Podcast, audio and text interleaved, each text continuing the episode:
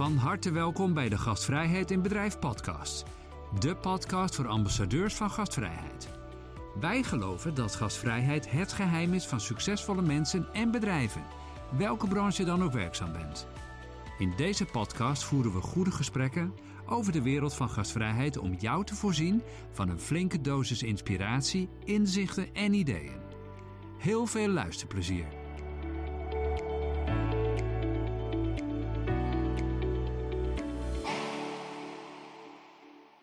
Welkom terug bij de Gasvrijheid in Bedrijf podcast. Vandaag ga ik, Laura de Lamar, in gesprek met Charlotte Kools over gastvrijheid. En dan wel specifiek over een branche, namelijk de retail. Want wat is eh, de toekomst van de retail en hoe past gastvrijheid erbij? En ik ben stiekem ook heel erg nieuwsgierig naar haar visie op de Vlaamse gastvrijheid. Nou, waarom? Charlotte is oprichter van Tonk. Um, en jullie uh, ja, slogan is Sidekick for Stores en show, Showrooms. Dus de expert in Vlaanderen op het gebied van retail, winkels en showrooms. En ze heeft veel kennis over marketing, strategie, communicatie, concepten en nog heel veel meer. En ze heeft een hele grote passie voor gastvrijheid. We ontmoeten elkaar um, toen jij deelnemer was uh, tijdens een van mijn masterclasses. Volgens mij gastvrijheidstrainen in één dag, hè? En, ja, en toen vertelde je vol passie uh, dat het jouw missie is om uh, de retail in Vlaanderen te besmetten met het gasvrijheidsvirus. Dus dat is uh, precies waar we het vandaag over gaan hebben. Helemaal correct, Laura. Wat een introductie. Ja, nou leuk dat je in, in de show bent. En ja, voor de mensen die je nog niet kennen, wil je wat meer vertellen over jezelf? Ja, met plezier. Um, ja, ik ben dus uh, Charlotte, Charlotte Kools, en ik ben oprichter en een van de twee bestuurders van Tonk. Wij zijn in België gevestigd en wij zijn, zoals je daarnet al kwam te zeggen, de sidekick voor winkeliers en showroom-eigenaars. En misschien moet ik daar al een beetje meer over vertellen, want wat is ja? nu net een sidekick?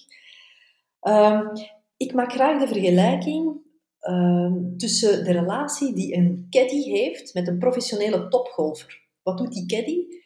Die adviseert, die assisteert en die ondersteunt de topgolfer, zodanig dat die kan schitteren in zijn vak. En dat is wat dat wij ook willen betekenen voor die zelfstandige winkeliers en showroom-eigenaars. En eigenlijk ons zorgen en hen uh, future-proof maken. Hmm, wat een toffe term, sidekick. Die ga ik onthouden. Leuk. Ja, zo had ik er nog niet naar gekeken. Nou, je zit uh, ja, met je neus echt volop in, uh, in retail. En wel grappig, showroom, die, die gebruiken we in Nederland steeds minder, die, uh, die term. Misschien nog wel bij keukenzaken, maar het woord showroom hoor ik niet heel veel meer. Wat maar, uh, ja. Woonzalen? Ja. Ja, weet ik eigenlijk niet. Ja, ik, nee, ja, ja show. Weet je eigenlijk ja. het verschil tussen, tussen een winkel en een showroom? Maken jullie dat verschil? Volgens mij is dat steeds meer uh, samen aan het, uh, aan het gaan in mijn, mijn beleving. Want hoe, hoe ah, ja. zie jij het verschil daarin?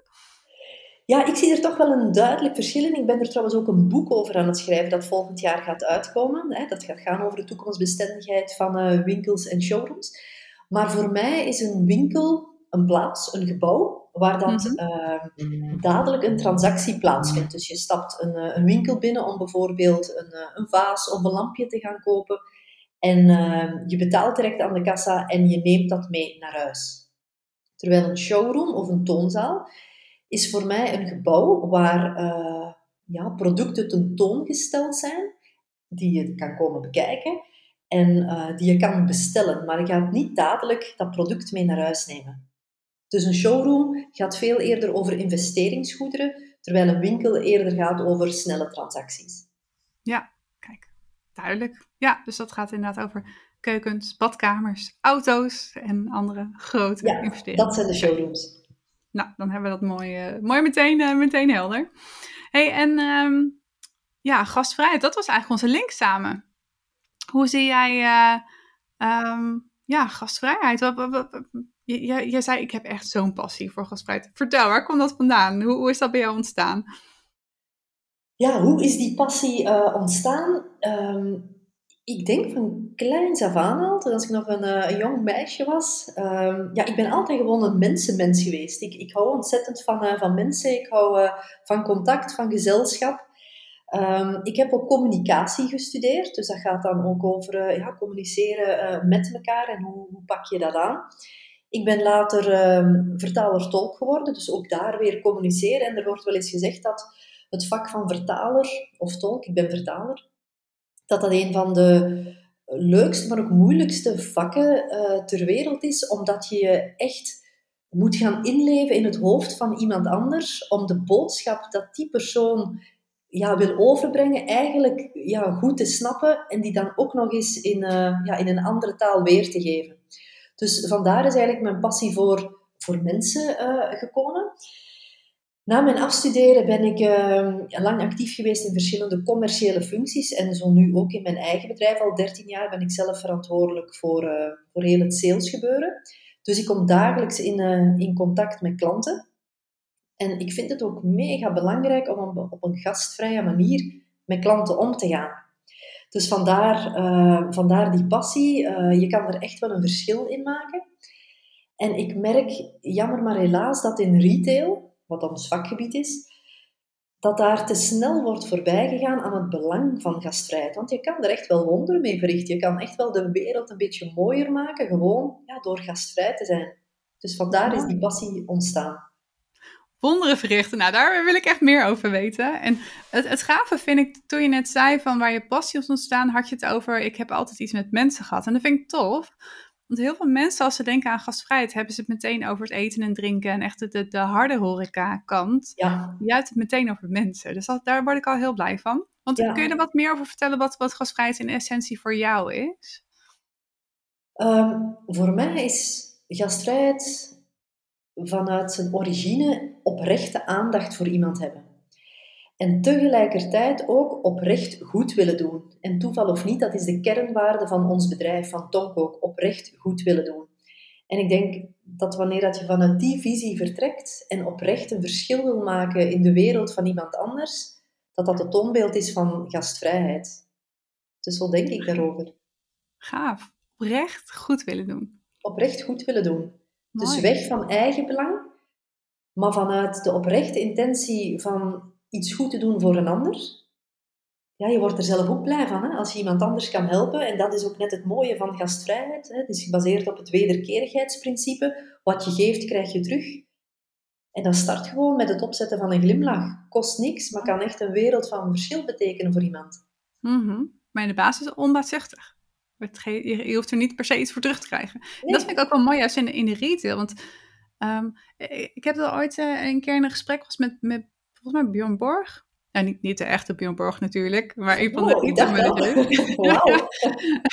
en die, die zei ook van, uh, we zijn zo gefocust op het bonbedrag en op uh, directe sales. En hij zei, we moeten de shift maken. En daar, waren ze, daar hebben ze ook een hele mooie stappen in gemaakt. Dat iedere klant zich als gast voelt. Absoluut. En zo'n fijne ervaring heeft dat hij terugkomt of later koopt of vrienden meeneemt. Dus Zo het gaat om dat is, is dat blije gezichten zorgen nu eenmaal voor omzet en voor ja, het feit dat mensen naar je willen terugkeren. Ja. Dus in plaats van inderdaad louter en alleen te denken in dagomzetten die dat moeten gehaald mhm. worden, ja. lijkt het mij inderdaad veel interessanter om te kijken naar hoeveel blije gezichten heb ik vandaag uh, ja. ja. kunnen genereren bij, uh, bij mijn klanten. Gaaf. Nou, mooi om uh, leuke, leuke twist. En volgens mij heb je daar een hele mooie quote van, dus ik ga hem mooi even instarten. Jouw quote van de dag komt-ie. De quote van de dag. Jouw scherpzinnige quote over gastvrijheid die anderen aanzet tot nadenken. Nou, wat is die? Vertel Charlotte.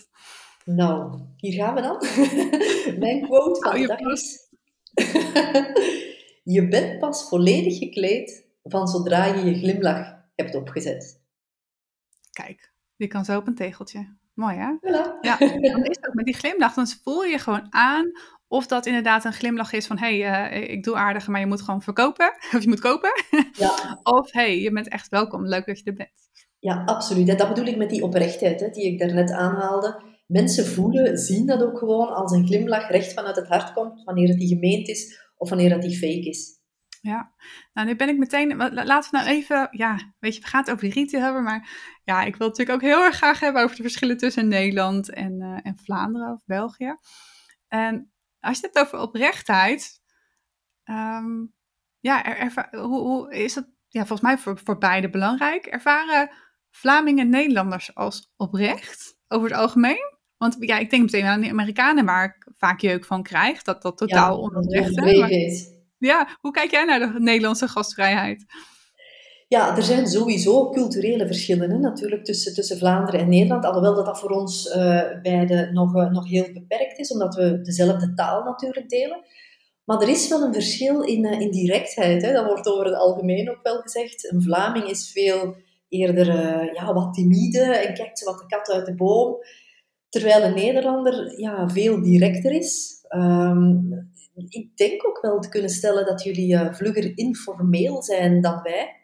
Het hangt ook weer van de sector af of van de type persoon, want ik vind het ook heel moeilijk om, om te veralgemenen. Ik denk dat gastvrijheid vooral gebonden is aan individuen en ook aan, eh, aan contexten. Ja, de situatie waarin dat je je op, op dat moment eh, bevindt.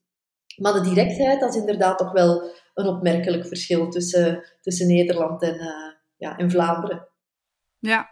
Ja, ik herken dat wel. Ja, ja en er- zit een charme aan, maar ook inderdaad wel een, eh, een lastig. Omdat je dat als Nederlander in ieder geval minder snel merkt van... hé, hey, wat vindt iemand? Wat voelt iemand? Of ja, hè, dus dat, dat is wel een... eh, die openheid heeft een positief ding, maar ook een negatief ding. Ik kan me voorstellen dat sommige mensen dan ook juist helemaal niet van die, die directheid... Daar, daar in ieder geval helemaal niet blij van worden. Nee, dat kan ik me indenken. Dat wordt, dat wordt soms ook beweerd. hè, Van, ah, een Nederlander is zo direct. eh, ja, dat is een beetje awkward eh, voor sommigen. Maar natuurlijk weet je wel direct waar dat op staat. En weet je ja, eh, ja, hoe dat het ervoor staat. Terwijl bij een Vlaming weet je dat niet altijd. Net omdat we zo timide zijn en niet het achterste van onze tong laten zien. Dat je Oké. vaak niet weet van, ja, maar wat denkt die persoon nu echt? En daar heb je met de Nederlander veel minder aan de hand. Ja, ja ik, ik weet nog wel dat ik een keer bij.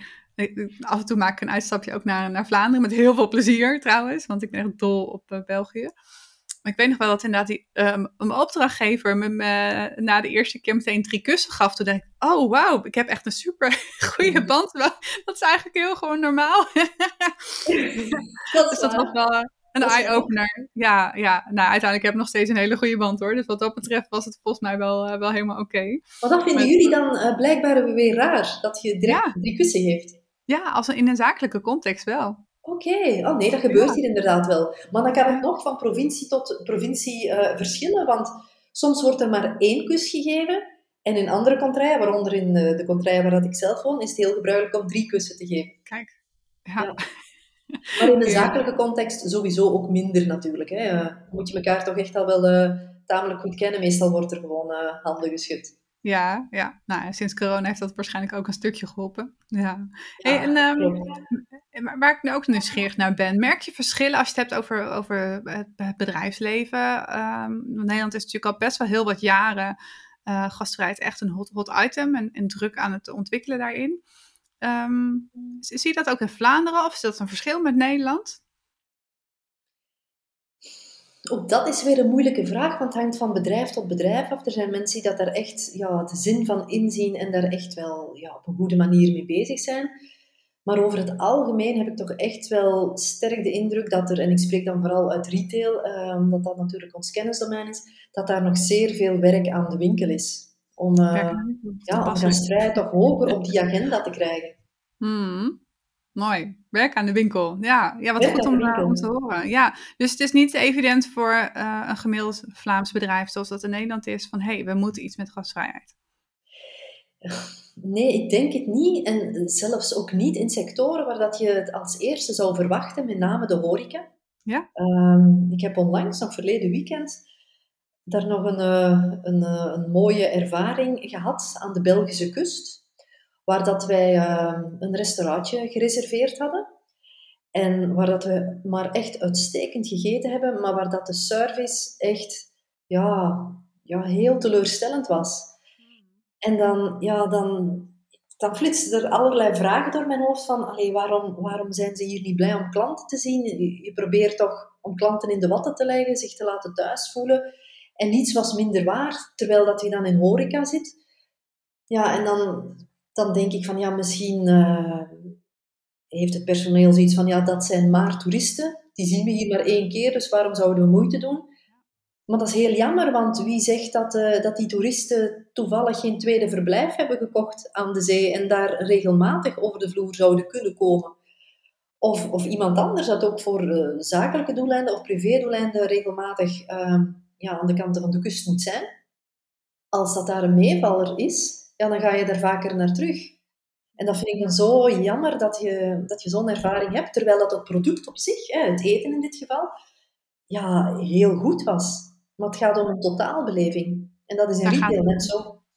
Ja, het, het, hetzelfde fenomeen zie je bijvoorbeeld ook in Amsterdam in de binnenstad uh, gebeuren. Hè? Dat, dat, dat, daar, mensen komen toch niet meer terug, dus het maakt niet uit. Het is zonde eigenlijk. Toevallig ken ik ook inderdaad een onderzoek, volgens mij door Vla uh, Toerisme Vlaanderen, dat inderdaad met name in de kuststreek heel goed scoort op, um, op, op nou, het Vlaamse eten, uh, de chocolade, het bier, zeg maar, de, de, de, harde kant. Maar dat mensen inderdaad wel afhaken op het gebrek aan gastvrijheid bij veel ja. plekken. dat is jammer. Werk aan de winkel. We gaan ja, ja, aan de winkel, gelukkig voor ons. Ja. nou, daarover gesproken heb ik een hele leuke sleutelvraag. Komt-ie. Het sleutelvragenspel. Prikkelende vragen voor een gastvrije mindset. Nou, ik ben heel erg nieuwsgierig wie voor jou, welk bedrijf, het toonbeeld is van gastvrijheid. Oh, daar kan ik eigenlijk uh, vrij snel op antwoorden, omdat, uh, wat ik daar straks al uh, vertelde, ik ben een boek aan het schrijven en ik heb dat voorbeeld daar ook in aangehaald. Het is geen Vlaams voorbeeld, het is ook geen Nederlands voorbeeld, maar het is een voorbeeld uit Amerika, uit Florida.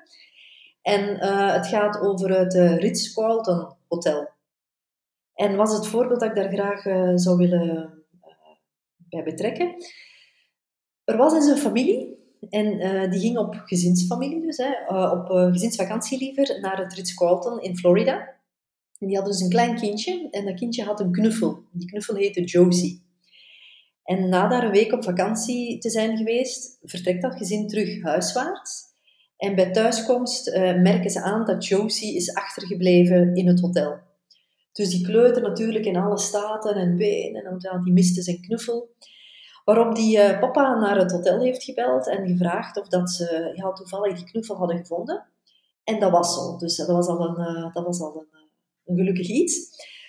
Maar wat dan gebeurd is, allee, dat vind ik echt een toonbeeld van, van gastvrijheid. Die papa heeft aan zijn zoontje verteld dat Josie beslist had om nog een paar dagen extra vakantie te nemen. En het personeel van het Ritz-Carlton heeft de volgende dag tal van foto's gemaakt van Josie. Een keertje aan het zwembad, een keertje in het wellnesscenter. Dan zat hij weer op een golfkarretje. En die foto's hebben ze opgestuurd naar uh, die kleuter. Samen met een aantal uh, ja, gadgets van het hotel. Een frisbee was erbij en ik weet niet wat nog. Maar ja, je kan je al wel voorstellen dat die kleuter moet gereageerd hebben als hij die foto's zag. En dat hij dan snapte van oké, ja, mijn knuffel eh, die heeft nog een goede tijd gehad. Terwijl het eigenlijk over een achtergebleven iets ging in het hotel, waar dat dan toch een heel leuk verhaal aan gekoppeld was en waar dat het personeel zich in de schoenen van die kleuter heeft geplaatst en eigenlijk vooruitgedacht op, ja, hoe kunnen we daarop gaan anticiperen? En dat is gastvrijheid. Geniaal, wat een mooi voorbeeld. Tof. We zullen ook wat, wat links en foto's hiervan in de show notes eh, zetten. Maar dit is waar het om gaat en dit kun je niet regisseren. Nee. Het is spontaan, het gebeurt, maar je moet wel de kans zien en grijpen. Ja, ja. je moet het wel zien, inderdaad. Dus vandaar oprechte aandacht schenken is zo belangrijk. En je in de, ja, in de je schoenen van iemand anders willen stellen. Ja, mooi. Nou, laten we een mooie sprong maken van Amerika terug naar uh, Europa en de retail. Want daar, dat is jouw specialisme. En uh, ik ben echt heel erg nieuwsgierig. Um, ja, als je naar de retail specifiek kijkt, wat zie je voor kansen daar om gastvrijheid daar te laten groeien? God, er liggen kansen voor, uh, voor het grijpen. Hè. En ik, ik deel gastvrijheid eigenlijk op in uh, twee gebieden op vlak van uh, wat beïnvloedt elkaar. En gastvrijheid wordt enerzijds, en dat is de belangrijkste, beïnvloed door menselijke factoren. Hoe ga je om met klanten eens dat die ja, naar je toe zijn komen gereden? Want dat vind ik ook zo opmerkelijk. Tenzij dat je in een winkelstraat gelegen bent, en dan nog, maar tenzij dat je daar gelegen bent, kan je je voorstellen dat, dat klanten de ene winkel in, de, in de andere winkel uit uh, wandelen. Maar de meeste winkeliers of showroom-eigenaars, die liggen helemaal niet in een winkelstraat en die liggen ja, wat verder afgelegen. Dus wij noemen dat dan een destination shop. Wat wil zeggen dat mensen echt wel heel bewust in hun wagen gesprongen zijn om naar jou toe te komen gereden. En dan is maar de vraag, ja, hoe ga je dan om met die klant eens dat die bij jou ja, arriveert? En dat start, dat start gewoon al met, nee, het start al vroeger, maar ik ga het nu even hebben over de menselijke factor. Dat start al met de begroeting. Ja, het gebeurt echt wel dat je in winkels en showrooms komt, waar je tot twee keer toe volledig anoniem eh, ja, in die winkel hebt rondgelopen en terug naar buiten bent gegaan, zonder dat iemand jou heeft opgemerkt. Ehm, ja, dat is, dat is doodzonde, hè? want die klant die zit met het geld klaar in zijn zakken, is spontaan naar jou toe komen gereden. Ja, en er wordt helemaal niks mee gedaan. Zonde. Zelfs geen warm welkom of hey, blij dat je er bent. En dat is doodzonde. Dus daar valt er al zoveel te winnen. Mhm. Hetzelfde met het afronden, met het afscheid nemen. Dat zijn trouwens de twee belangrijkste zaken die dat bij mensen bijblijven. Hoe ga je om met het afscheid? Waarom wandel je niet even mee naar de deur? Net zoals je een gast thuis naar de deur begeleidt als die naar huis gaat. Waarom wandel je niet mee naar de auto? Help je niet bij het inladen van spullen? En ik wil niet veralgemenen, want er zijn mensen die dat er echt wel goed mee bezig zijn. Maar er zijn er ook zoveel ja, die die kansen laten liggen. En dat maakt een winkel- of showroombezoek net memorabel. Daar liggen ook de kansen ten opzichte van het internet. 100 procent. Volgens mij heb ik het ook in, uh, in mijn boek uh, Het Geheim van Gastvrijheid geschreven, dat vaak met het, met het afrekenen de gastvrijheid ophoudt. Hè? Dus, dus als je ja. uh, gaat pinnen, dan ja, let maar eens op hoeveel mensen dan nog daarna nog überhaupt oogcontact maken. Of naast ja. de, de, de, de groet, omdat het moet, nog even iets persoonlijks zeggen als veel plezier ermee. Of nog refereren aan het gesprek wat er is geweest. Het is zo'n gouden kant om dan, zeker als je veel hebt uitgegeven. Tuurlijk. ja, dan, dan eh, misschien een paar honderd euro afrekent. En er wordt alleen maar gezegd, uh, dankjewel, fijne dag. ja, het is juist zo'n mooie kans om, om toch dat gevoel van, oeh, ik heb toch misschien net iets te veel geld uitgegeven om daar even een positieve draai aan te, Absoluut. te geven. Absoluut. Ja. En wie dat daar wel uh, een held in is, is IKEA natuurlijk. Hè? IKEA mm. ja, hecht ontzettend veel belang aan uh, ja, het omarmen van de klant en zijn behoeften en daar echt op een goede manier op in te spelen. Uh, wat maakt dat bijvoorbeeld bij het buitengaan, wat we over het afscheid nemen hadden, dat je daar een hotdog kan kopen voor, uh, wat is het, 90 cent. Waardoor dat mensen het gevoel hebben, oh, ik heb hier toch een goede deal mm. gedaan. Ook al hebben ze misschien net voor 3000 euro aan, uh, aan goederen gekocht. Ja. Maar het is maar ja, de perceptie, het gevoel dat je mensen ja. geeft. Toch, ja, het was veel, maar het was wel lekker goedkoop. Ja, ja absoluut. Ja, ja. En, en, ook natuurlijk het uh, eten, zeker comfort food, is natuurlijk altijd goed voor je onbewuste brein om een goed gevoel achter te laten. Absoluut. Ja, ja mooi. En ik, uh, ik, ik, mocht een keer een, een, lezing geven voor nou, een fantastisch mooi bedrijf Rinsma in het, in het noorden van, uh, van Nederland en Friesland. En voor mijn lezing ben ik, meestal ga ik dan even een beetje rondkijken in, in die winkel. En één dame, ik kan me nog steeds voor de ogen houden. Ik was zo onder de indruk van haar. Um, het was, was een reis. Ik kon ook mooi observeren wat de gesprekken waren die ze er had met, met de mensen die aan het afrekenen waren. En het toffe was, bij elk gesprek probeerde ze iets persoonlijks te zeggen. Dus ja. bij, bij mij gaf ze volgens mij een complimentje van... oh, wat gaaf dat je deze hebt uitgekozen. En het past heel erg mooi bij je haarkleur of zoiets. Dus je ja. merkte gewoon echt dat ze zichzelf aan het... Nou, getraind had om bij iedereen iets toe te voegen. Iets persoonlijks toe te voegen. En dat vond Ja. ik echt nou, een gouden voorbeeld. Ja, en dat kan je ook perfect doen. Allee, niet in alle situaties. Maar eh, ik raad dat inderdaad ook aan om zo snel als mogelijk ehm, te spreken over iets wat dat je opvalt, om het ijs ook te breken. Zeker dan in de, in de, in de begroetingsfase. Maar zeker in showrooms, eh, waar dat mensen in ieder geval in België, maar ik neem aan ook in Nederland, vaak een afspraak boeken vooraleer dat ze langskomen. Dat geeft je wel de mogelijkheid om die mensen bijvoorbeeld op social media eens op te zoeken, te zien wat Ja. interessevelden zijn, waar die mensen mee bezig zijn. Wat het allemaal makkelijker maakt om een band te smeden en eh, ja, dat ijs te breken en ja, een dialoog aan te gaan. Ja, ja en ook op tijd klaarstaan. Ja, eigenlijk kun je natuurlijk al dan, dan, dan aanvoelen, oh, dat zal die en die persoon zijn. Dus als je dan persoonlijk ontvangst kan geven, ja, dat, dat is goud. Ja. Ja, het vergt een beetje investering in tijd, maar het levert denk ik heel veel op. het levert ontzettend veel op. Ja. Ja. Zijn er nog andere dingen waarvan je zegt, nou, daar erger ik me wel eens aan? Of nou, dat, dat zou echt is zoiets kleins, daar zou zoveel eh, retailers eh, enorm winst kunnen boeken als het gaat om gastvrijheidsbelevenis? Ja, wat dat ik daarnet al zei, ja, voor mij bestaat dat uit twee factoren. Dat is de menselijke factor, waar dat we het nu daarnet al even over, eh, over gehad hebben. Maar aan de andere kant is er ook de omgevingsfactor. En die speelt natuurlijk bij fysieke winkels en showrooms ook ontzettend. En dan heb ik het bijvoorbeeld over, eh, ja, hoe gastvrij ben jij op vlak van het ontvangen van mensen op jouw parking? Als het onkruid ontzettend hoog staat, als de vlaggen vergeeld zijn of, of gescheurd zijn, dat geeft direct een eerste indruk over ja, wie ben ik en waar hecht ik belang aan. Maar onbewust ja, creëert dat ook een gevoel bij je klant van ja, maar als ze hier op deze manier al mee omgaan, hoe gaan ze dan met mijn order bijvoorbeeld omgaan? Dat is ook gastvrijheid uiten, maar dan op vlak van je, van je omgeving.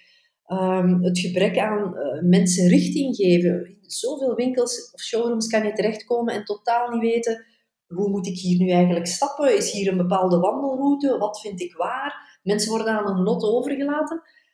Ja, dat is doodzonde. Hè? Het is jouw taak als, eh, als retailer om mensen sturing, richting te geven vanaf het moment eigenlijk al dat ze op je website of webshop zitten. Ja. Maar zeker ook uh, ja, in die winkel.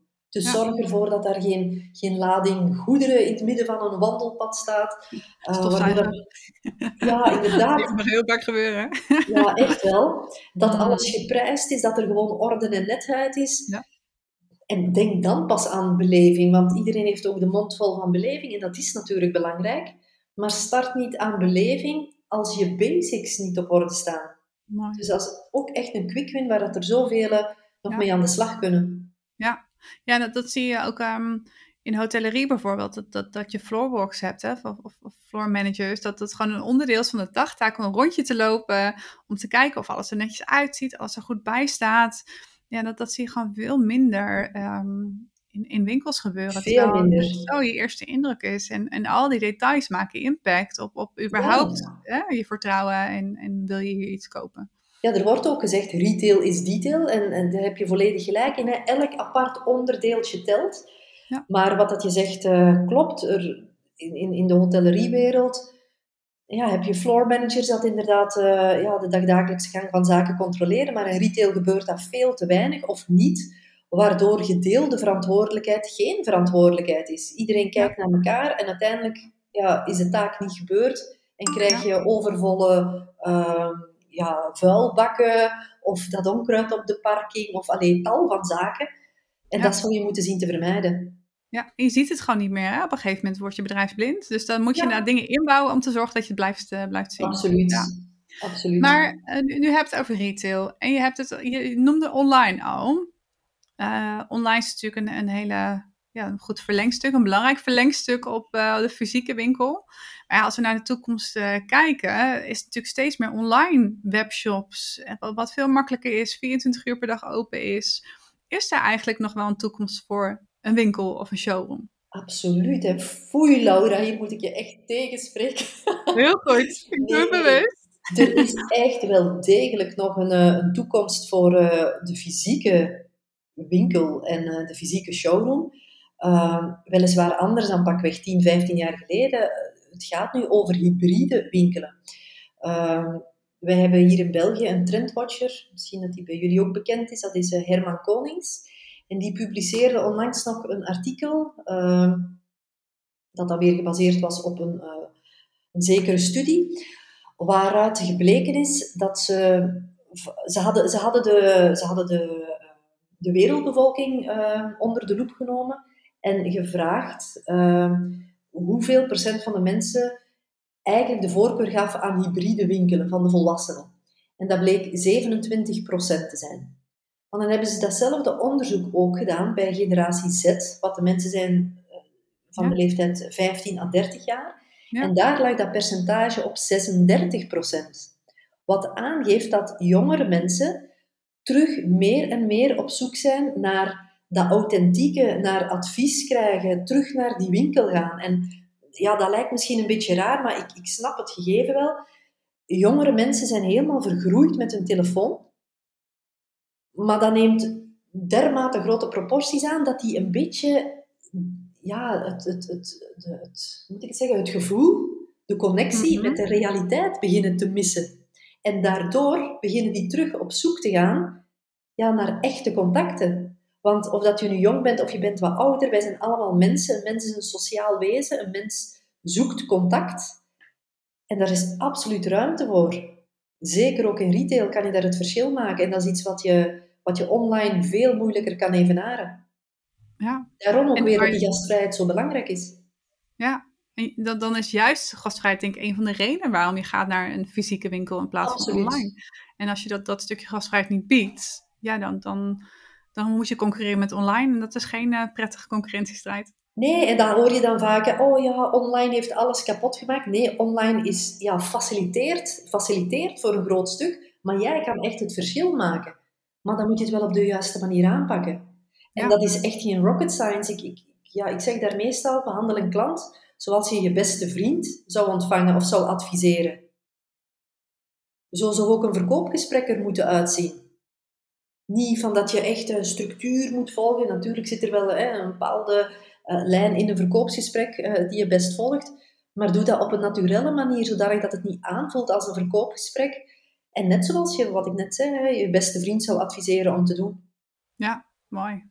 Ja, ja dat is, die technieken helpen om, om de, de closing te doen, hè, om het laatste zetje te, te zetten op een goede manier. Ja. Maar je kan niet iets verkopen als die relatie, als die klik er niet, niet is. Nee. En dat, dat vraagt vooral je EQ.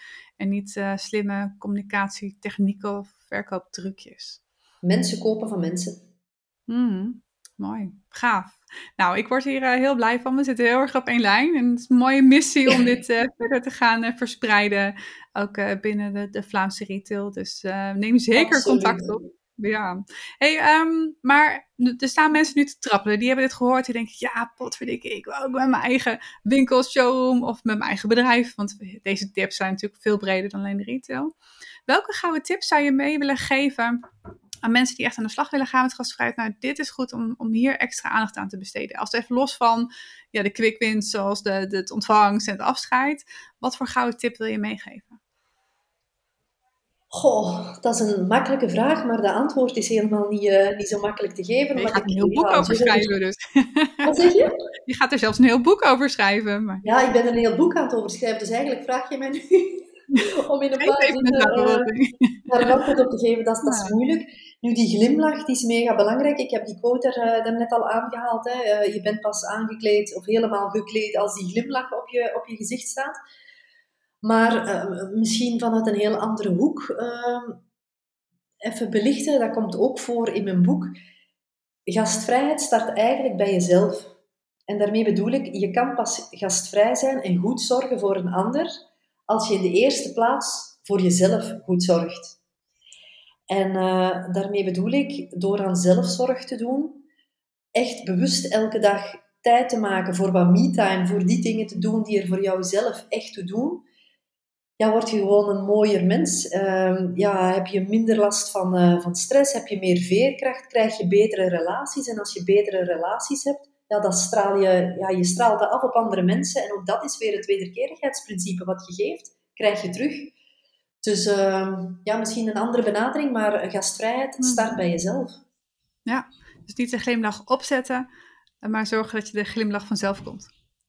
Ja, zodat dat die vanzelf komt. Maar om die vanzelf te laten komen, ja, moet je zelf ook goed in je vel zitten. En dat bedoel ik met die zelfzorg.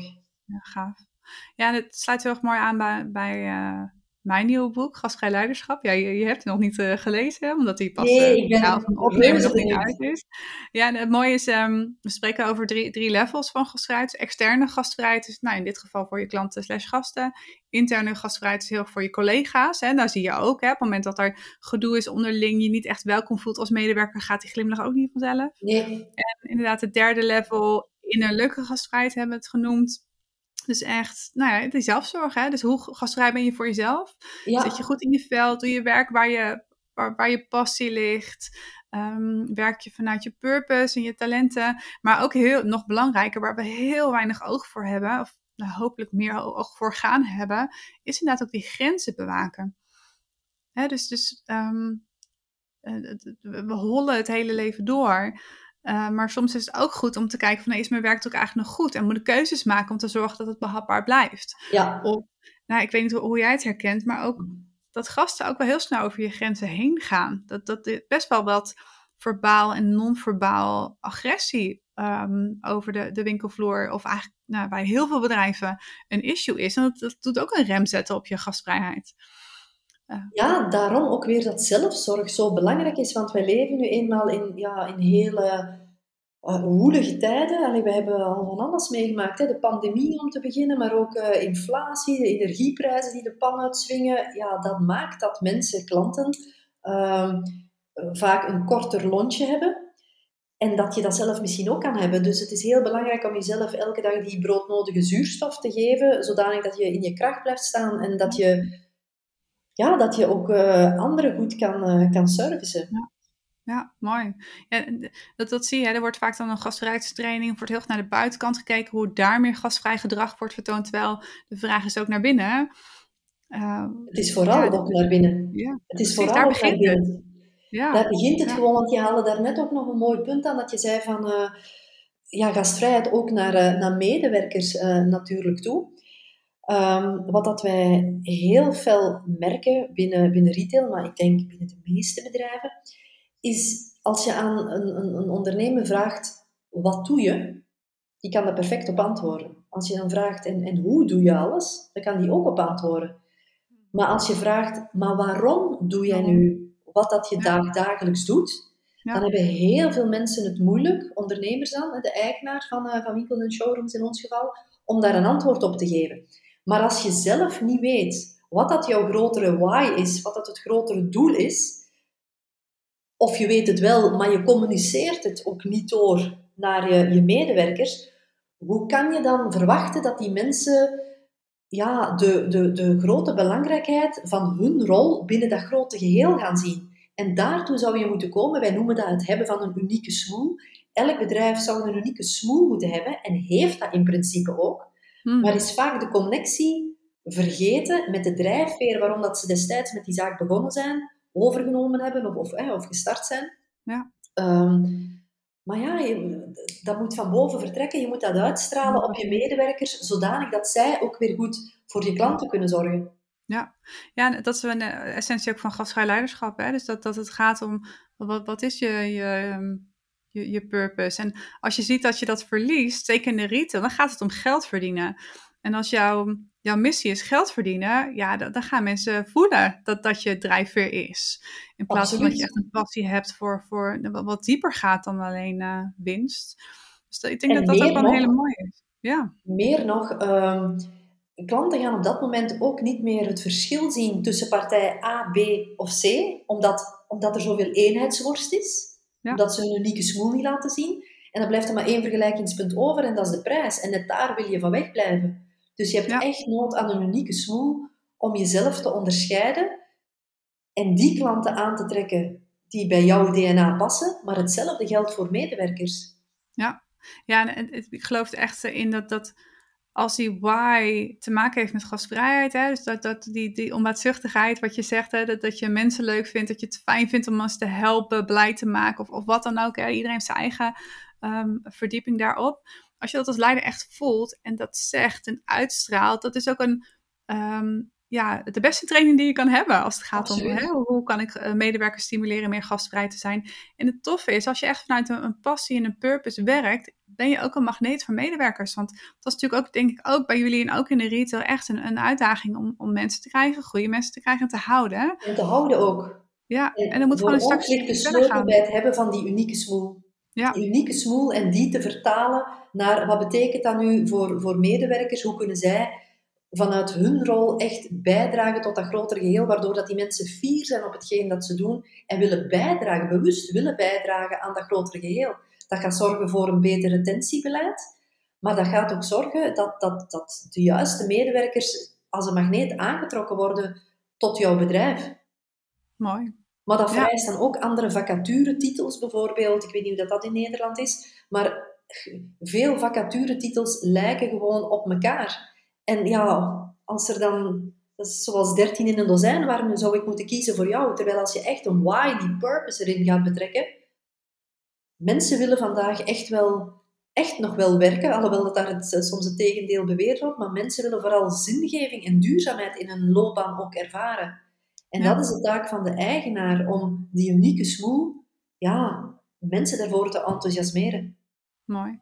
Ja, en daar, uh, daar komt uh, gastvrijheid heel mooi uh, terug. Je had het in het begin van het gesprek over dat het wonderen kan verrichten. En volgens mij is dit het wonder waar het om gaat. En dat is een, een diepere laag. dat, dat gaat over gastvrij leiderschap.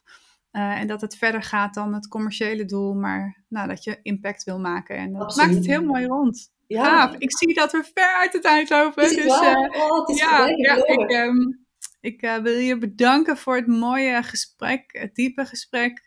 Ik en ik weet zeker dat, dat, ehm, dat ondanks eh, dat, dat de retail de focus was, dat we het gedeeld hebben voor iedereen interessant is. Dus eh, ontzettend bedankt.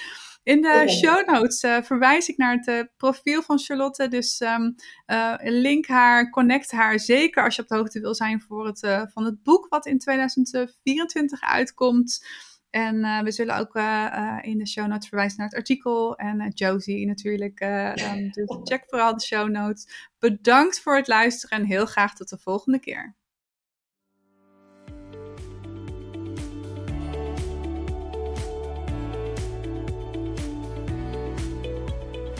Bedankt voor het luisteren naar de Gastvrijheid in Bedrijf podcast. We hopen dat je hebt genoten van het gesprek en dat je klaar bent om jouw gastvrijheid naar een hoger level te tillen. Ken jij andere mensen die ook een passie voor gastvrijheid hebben?